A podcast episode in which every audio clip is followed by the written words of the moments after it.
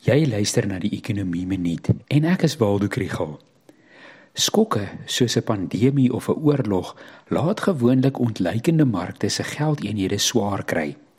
Die rand wat was tot onlangs toe nog 'n uitsondering, maar oor die afgelope 2 weke het dit 7% swakker verhandel teen die dollar. Na Woensdag aand se rentekoersverhoging deur die Amerikaanse Federale Reservebank, het dit gister onder R16 per dollar verhandel en gesluit op R16.04. So wat kan ons volgende verwag? Die wisselkoers versterk as buitelanders hulle dollars wil ruil vir rande om te betaal vir ons kommoditeitsuitvoere of om te belê in ons finansiële markte. Sover hierdie jaar is die rand sterk gehou deur hoë kommoditeitspryse en 'n goeie opbrengs op Suid-Afrikaanse skuldinstrumente. Maar daar is nou meer onsekerheid oor albei van hierdie kragte.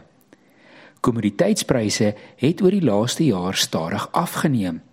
Die platinumprys is 21% laer, palladium 24% en ystererts ook 24% laer. Die steenkoolprys is wel 74% hoër in 2022.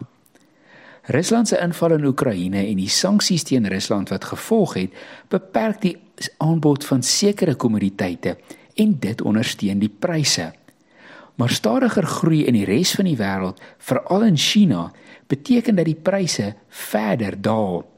Dit sal die rand laat verswak. Die groei van die groot ekonomieë hang weer af van hulle stryd teen inflasie. Bottlenecke in voorsieningsketTINGS en die hoë olieprys het inflasie laat styg en nou moet rentekoerse styg om dit te beveg. Maar dit demp natuurlik ekonomiese groei. Stygende rentekoerse in die FSA lei ook gewoonlik tot 'n sterker dollar. Die rand kan net sterk bly as ons reservebank die repo koers saam laat styg. Kortom, gaan die tweede helfte van die jaar gekenmerk word deur volatiliteit van die wisselkoers.